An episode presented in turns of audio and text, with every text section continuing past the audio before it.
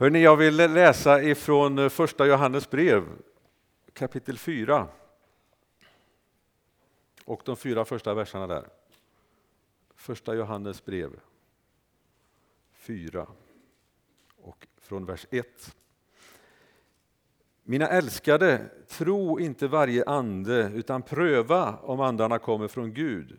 Det finns ju många falska profeter som har gått ut i världen och så känner ni igen Guds ande. Varje ande som bekänner att Jesus är Kristus som kommer till köttet, den är från Gud.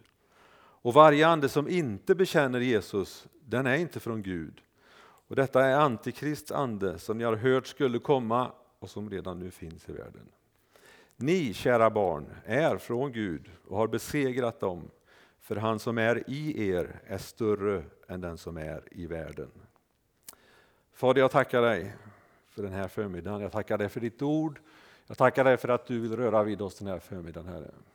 Jag tackar dig för att du heliga Ande vill göra ditt ord levande och du vill eh, tala in i våra liv den här förmiddagen. Jag tackar dig för att vi får eh, känna Herre att vi får eh, leva i dig. Jag tackar dig för att vi får känna att den heliga Ande får leva i oss och att vi får leva ett, ett liv i seger. Ett liv som får föra oss närmare dig för varje dag och ett liv som får föra oss också ut och nå de människor som fortfarande inte har lärt känna dig Jesus. Tackar dig för den här helgen, jag tackar dig för vad vi får minnas. Jag tackar dig för att vi får blicka framåt. Jag tackar dig för att du finns här just nu mitt i vårt centrum Jesus. Amen. Jag tänkte på liknelser. Jag har en liknelse här också. Det var ju bra det är temat för dagen. Jag vet inte om ni har varit på Kolmården någon gång? Många har varit där i alla fall. Jag har varit där ett par gånger tror jag, men det var några år sedan senast nu i alla fall. Och så kan man gå in, titta in i något häng där och det ser eh, många gånger det kan se väldigt fint ut. Det är lite träd och lite buskage och lite så här. En liten skogsglänsa. Jag, jag har en bild framför mig som jag tänker på när jag ser detta, för det, det blev så tydligt då, men som sagt var det är några år sedan. Och så plötsligt ser man att någonting rör på sig där inne, där borta. Och där också, och där med. Och så kommer det ett antal vargar fram. Sådär. Och sen har jag en annan bild. Och den är från eh, precis bakom där vi bor. Jag brukar gå ett varv där med, med hunden. Så har de röjt och gjort så fint nu i någon, eh, vid skogsmarken där vid, vid bäcken eller ån där. Och där är det, vad är det en sex, sju olika får och lamm som går. Och tänker det är två olika häng och det är bra att de är på olika ställen. För Jesus han säger att eh, jag sänder er som får in bland vargar. Och då tänker jag om man skulle ta ett av de här fåren som går så fint och stilla här, ligger så fint där. Det är så fantastiskt fint ibland när de, solen skiner och de ligger där. Man kan ju inte annat än tänka på Bibeln när man går förbi den varje gång. Men om man skulle ta en eller ett av de här fåren och släppa in i det här hängnet med vargar. Hur länge tror vi att det skulle klara sig? En minut, två minuter, fem minuter? Väldigt kort tid tror jag i alla fall att det skulle överleva. Och där säger Jesus till oss, jag sänder er som får in bland vargar.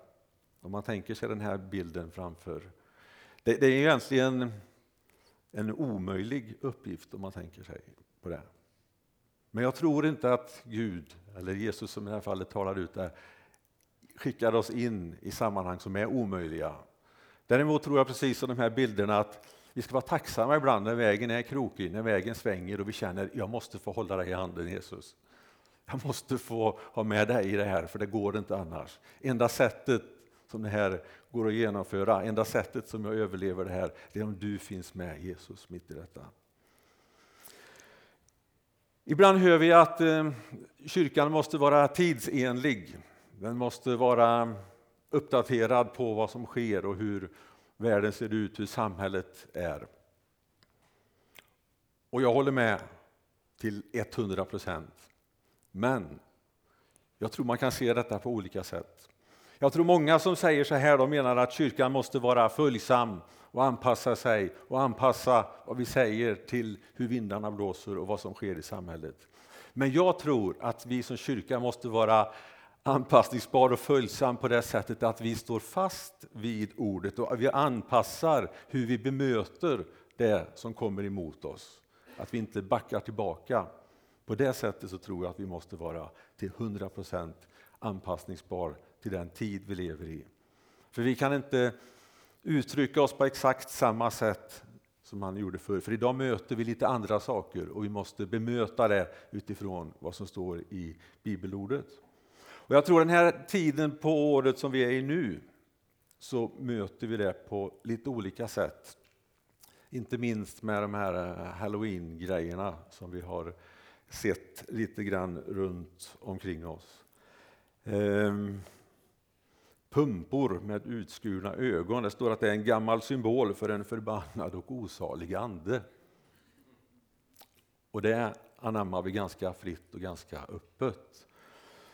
Ehm, det finns en ehm, församling någonstans, eller en kyrka, som använder Harry Potter för att nå ut till ungdomar och barn. Och man har samtal kring detta. Om man tittar på vad det står för och så lyssnar man till, det finns en satanistpräst i Salem i Maryland som säger att Harry Potter är en absolut gudagåva när det gäller vår sak. Det öppnar man upp för i vissa sammanhang. Jag läste i Dagen här i veckan om eh, någon samling, ett forum med någon feminismsyn på Bibeln som ska samlas nu. Där de säger att vi utforskar med feministiska teologiska ögon vad som är skrivet av människan i Guds ord. Ska ha ett bibelstudium som problematiserar hur sexualitet beskrivs i Bibeln. Och mässan kommer uteslutande att använda kvinnliga bilder av Gud. Det är samhället idag. Mångt och mycket. Och jag tror vi behöver anpassa oss efter att bemöta detta utifrån Guds ord.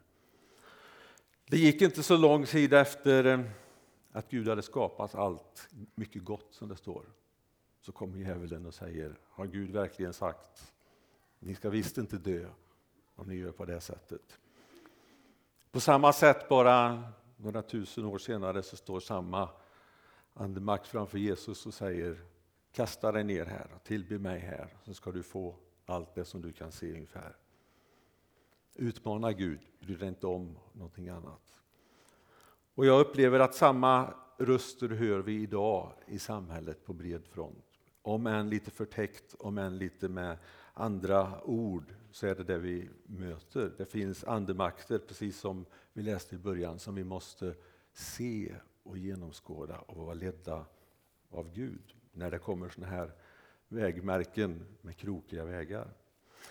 I femte Mosebok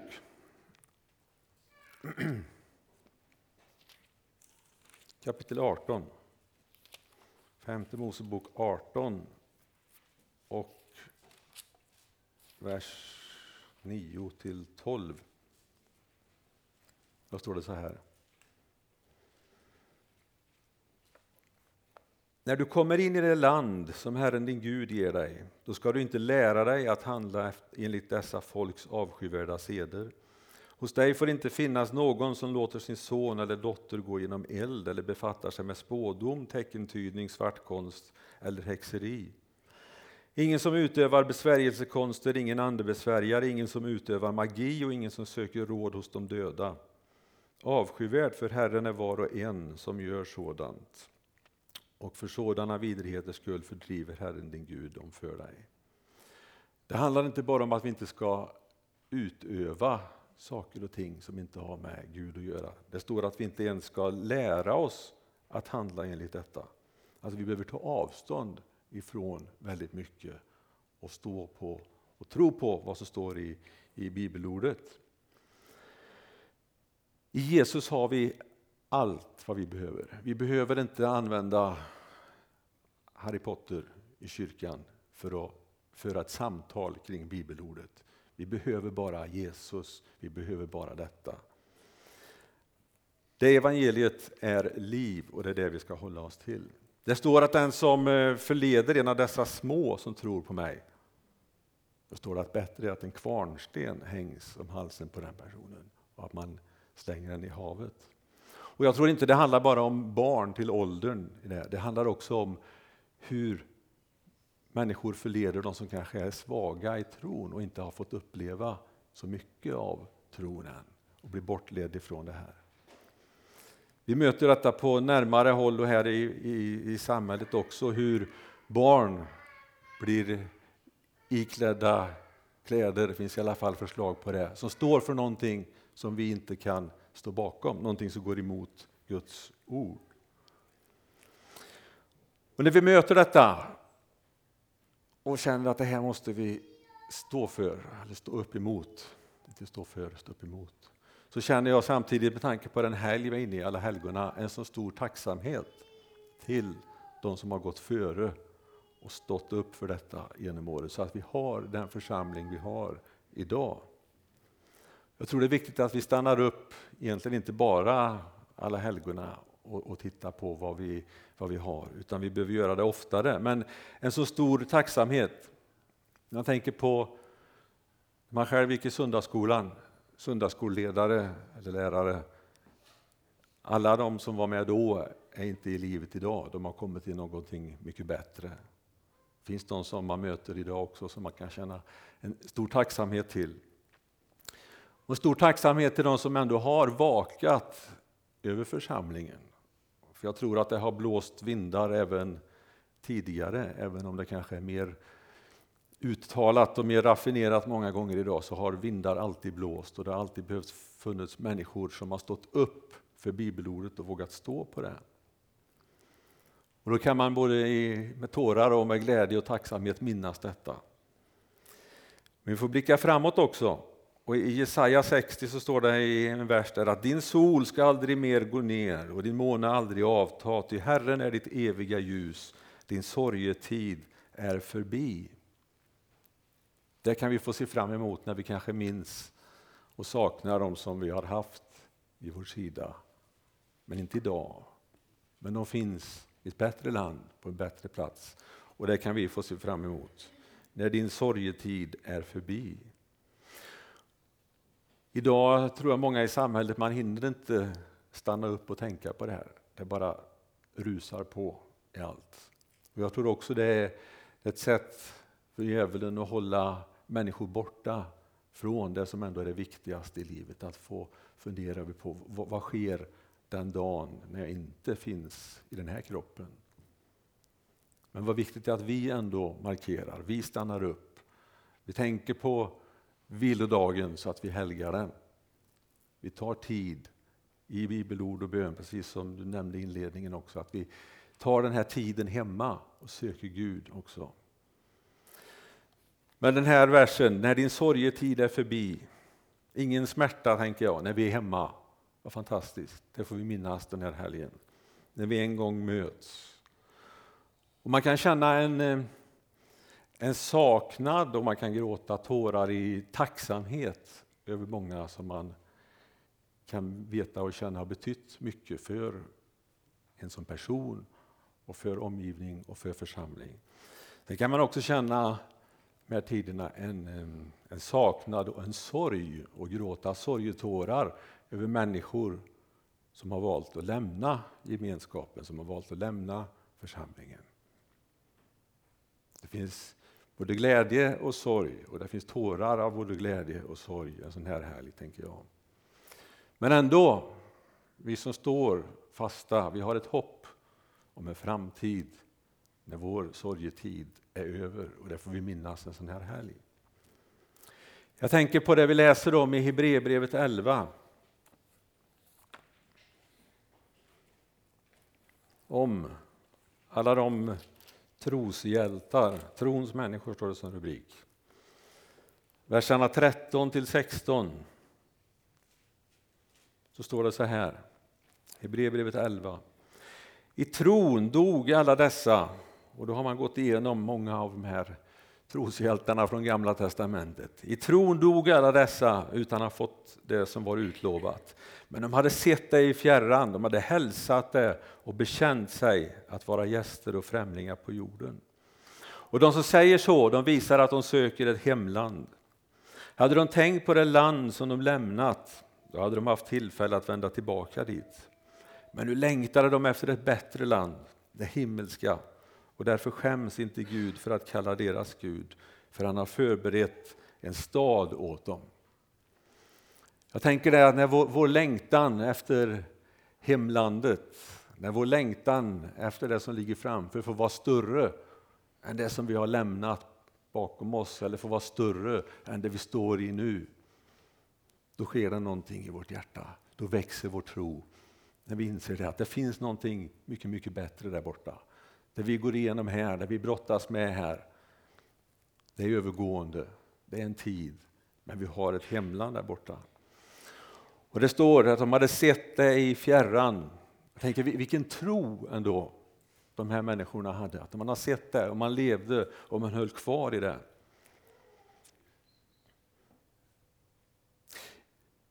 Jesus han vill vara liv och vatten i våra liv under den vandringen här. Jesus han möter en kvinna i Johannes 4. Han talar om att om du tar emot det vatten jag har att ge till dig, då ska en källa flöda fram i dig till evigt liv. Då bör du aldrig gå och vara törstig. Jesus han vill vara den som du får fästa blicken på, precis som vi också sjungit här i början, som ger dig kraft i det du står i. Jag tänker på en eh, vers, och jag tror det här gäller oss idag väldigt tydligt, ifrån första Mosebok kapitel 26.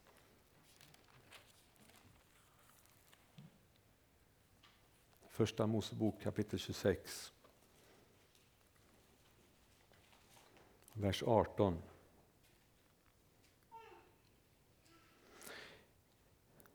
Isak grävde på nytt fram de vattenbrunnar som hade grävts av hans far Abraham, Abrahams tid men fyllts igen av filisterna efter Abrahams död.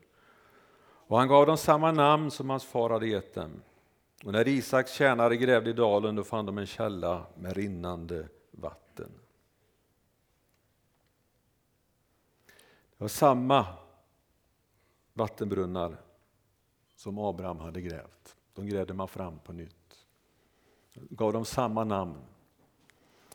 Det vi står i idag, det vi möter och det är de som har gått före oss har mött. Det är samma ande, det är samma Jesus, det är samma kraft som finns att få. Vi behöver inte hitta på någonting nytt eller något annat. Vi behöver inte tidsanpassa budskapet på det sättet utan det är samma källa som vi får gräva fram. Och jag tror kanske det kan vara så i våra liv ibland att det, det slaggar igen lite grann. Vi, låter, vi tar inte upp vatten ur källan hela tiden utan det faller igen, det rasar ner och det blir lite grumligt ibland. Vi behöver på nytt ta fram och gräva fram de källorna som vi vet att de som har gått före oss de har grävt ur. Och det är bön och det är bibel. Det är de källorna som, är av, som gäller hela tiden. Det är ingenting nytt vi behöver gräva fram. Utan det är de källorna vi får gräva fram. Jag tänker på Jakob som brottades en natt. Han var inte så ung då vad jag förstår. Han var någonstans uppemot hundra år när han brottades. Och jag tror framförallt inte att det var en, det var ju en fysisk kamp. Han, han haltade på morgonen står det. Han fick ett slag. Men jag tror det är en andlig kamp och jag tror det är så för oss också i det här. Att vi, vi brottas och vi går i egen kraft. Det var inte förrän han, som det står i Hosea, när han gav upp och grät och bad om nåd. Det var då kampen tog slut.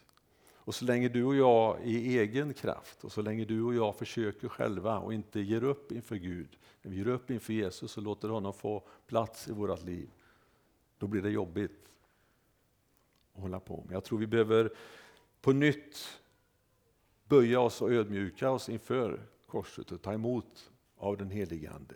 Låta de här sanna källorna på nytt flöda upp i våra liv. Vi vet att det var det som bar de som har gått före. Det var det som bar de som en gång byggde den här församlingen. Det är det som har burit genom allt det vi läser i bibelordet här. Jag tänker på, precis som det stod här, att de hade sett det i fjärran. Det står i, i, i Matteus att många profeter och rättfärdiga de längtade efter att få se det ni ser, men de fick inte se det. Och de längtade efter att höra det ni hör, men de fick inte höra det.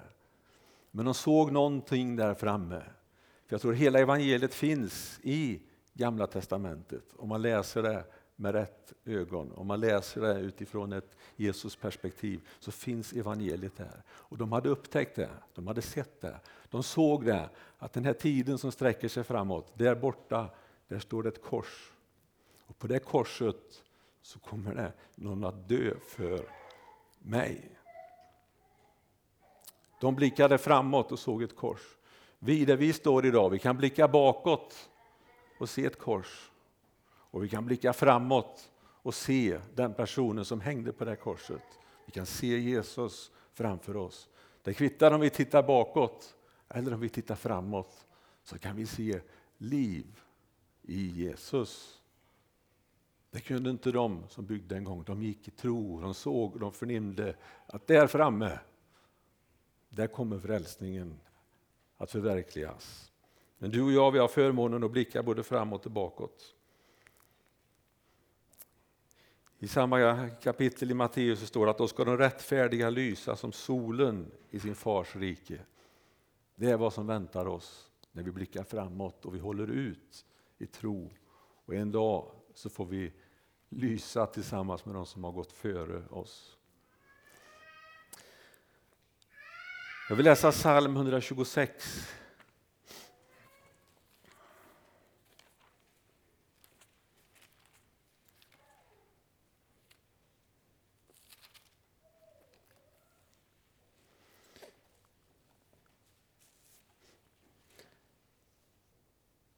När Herren lät Sions fångar komma åter, då var det som vi drömde. Då fylldes vår mun med skratt och vår tunga med jubel. Och då sa man bland folket, Herren har gjort stora ting med dem. Ja, Herren har gjort stora ting med oss och vi är glada. Herre, låt våra fångar komma åter som strömmarna i Negev. De som sår med tårar ska skörda med jubel. Gråtande går de och bär sitt utsäde och jublande kommer de och bär sina kärvar. När Israels folk fick komma tillbaka efter fångenskapen så var det jubel. Det var som en dröm. Det var någonting som man inte trodde var möjligt. Och när vi får blicka framåt, när vi får möta Jesus, när vi får komma hem. Jag tänker vilket jubel, vilken lovsång när vi tillsammans bara får stå inför tronen och sjunga och hylla honom.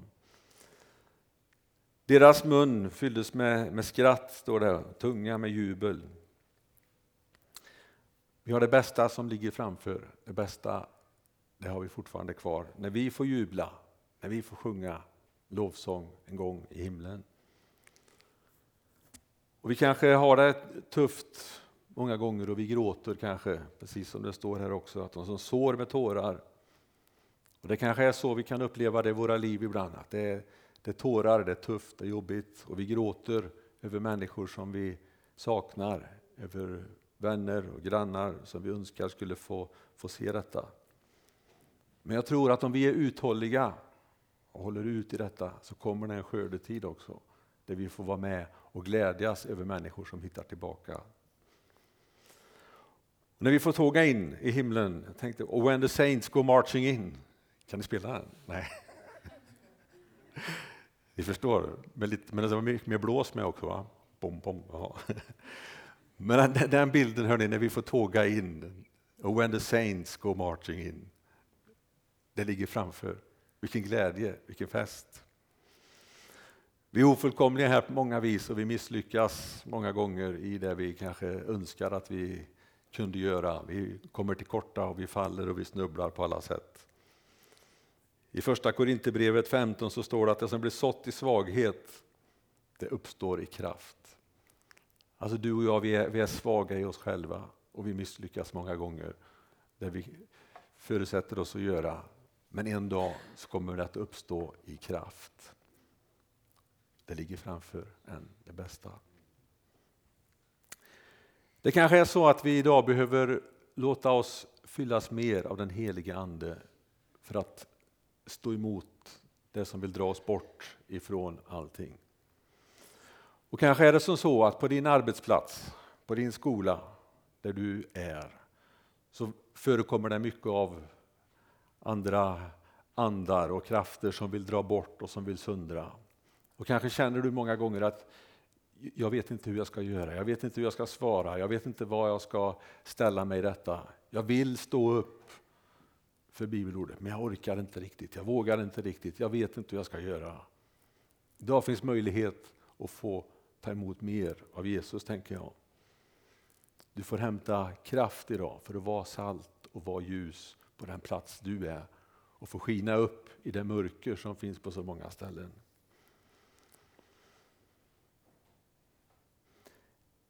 Jag tänker bara att, att, att segra, precis som Jakob där egentligen, att komma till den insikten att enda sättet att, att komma vidare det är att kapitulera inför Gud och be, Herre du måste välsigna mig. Jag lägger ner mitt eget och nu får du ta vid i det här. Jag vet, jag läste ifrån Apostlagärningarna, eh, vad är det, 15-20 år sedan någonting. Så det betyder så jättemycket. Det finns en, en passage där när Ananias får uppdraget att gå till Saulus. Det står att Saulus han andades hot och mordlust mot de kristna. Och då finns det en lärjunge där, Ananias, som Gud talar till och säger, du ska gå till Saulus, den och den platsen, för han ber. Och Ananias känner, hur skulle jag våga gå till honom? Gå till det som var Ananias varg, tänker jag. Till en person som har ihjäl och mördar de kristna. Till honom blir Ananias händ. Men Ananias säger ja och han går. Och jag tänker, Gud har varit där innan och förvandlat och ändrat på Saulus. Det är inte samma Saulus längre som Ananias möter, men den bilden han har framför sig det är att han ska gå till en mördare egentligen. Och dit kallar Gud honom. Kanske är det så att du känner att du har en, dina vargar på jobbet eller på din arbetsplats där du känner du vet inte hur du ska göra. Men när vi ber så kan Gud förändra och när Gud kallar dig att stå upp för honom, och när Gud kallar dig att gå dit, så har han redan förberett platsen och förberett marken så du får komma och bara välsigna. Du får komma som ett bönesvar, precis som Ananias fick göra till den personen. Det kan vi våga tro på och det kan vi våga leva i. Jag skulle bara önska att vi i, slutet här sen på vårt möte, det finns förebedjare, att du som känner jag, jag behöver få rensa upp de här vattenbrunnarna. Jag behöver hitta det på nytt, den här källan till liv. Jag behöver på nytt hitta det här med, med bönen och med Bibeln i mitt liv. Att det får bli det här som varje dag bara flödar fram inom mig. Låt det få vara en stund då du söker Gud med ett ärligt hjärta och känner du att jag behöver ha hjälp i det här. Jag önskar att någon bara välsignar mig och ber för mig. Du kanske går och gråter tårar av sorg över någonting idag. Så finns det en möjlighet att få hjälp och bli buren i detta. Det finns kraft i namnet Jesus. För han har segrat en gång. Han gick aldrig ner från korset. Det är lätt att tänka att det var spikarna som höll kvar Jesus. Men det var inte spikarna som höll kvar Jesus. Det var kärlek till dig och mig. Han kunde lätt klivit ner. När de kom och grep honom står det att skulle inte jag kunna be tolv legioner änglar komma? Det är inte med mänskliga vapen vi kämpar, det är inte i mänsklig kraft, det är inte i vår egen kraft. Men Jesus han hängde kvar. Han hängde kvar. För han älskar er. Han älskar mig. Det därför han hängde kvar på korset. Jesus. Jag tackar dig Herre för att du ger oss kraft för varje dag. Tackar dig Herre för att ditt ord har inte förändrats Herre och kraften är densamma Herre. Jag tackar dig för de som har gått före Herre. Både de vi läser om i ditt ord Herre och de som finns runt omkring oss Herre som vi särskilt tänker på idag. Herre, de som har varit med och byggt och format den här församlingen. Herre. De som har haft dig i centrum. de som har känt att du har varit kraften, du har varit det levande vattnet i deras liv.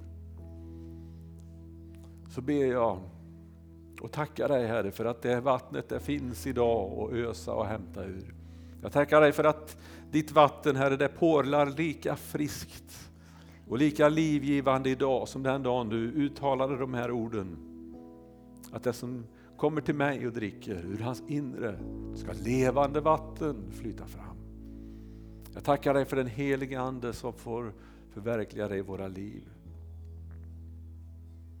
Jesus, jag ber här att vi ska få kraft och känna att vi kan stå upp. Stå upp för ditt ord och stå upp för det som du kallar oss till Herre. När världen och samhället vill sundra, när världen och samhället vill förringa ditt ord och bagatellisera det Herre. Tackar dig Fader för att vi får lägga allt på dig. Vi får komma inför korset och bara lägga ner det som vi känner av misslyckande idag. Jag tackar dig för att vi får komma inför korset idag och känna att du, du ger ny kraft. Jag vill be Herre om det finns någon här som känner att man inte riktigt vet hur man ska bemöta den eh, varg eller den utmaning som man står inför på sin arbetsplats. Så ber jag här idag ska du ge ljus över den situationen. Du ska ge kraft. Och du ska visa att du har en nyckel till en dörr som finns. Och jag ber om modet att gå in i den. Jag ber Herre, att precis som Ananias sa sitt ja, och inte bara sa det utan han gick också Herre. På samma sätt kallar du oss ut idag Herre, att gå in Herre som får bland vargar Herre. Men jag tackar dig för att vi går inte själva Herre. Jag tackar dig för att vi får förstå Herre att vi måste ha dig med. Jesus, Jesus. Tackar dig för det här. Tackar dig för det här. När den helige Ande kommer och fyller oss, när Jesus möter dig, så kommer han inte bit för bit och lite och lite. Jesus är ett. Den helige Ande kommer som en person. Men när vi ber om att få fyllas mer och uppfyllas mer av den helige Ande så handlar det om hur mycket utrymme, hur mycket plats jag ger för den helige Ande i mitt liv. Jesus.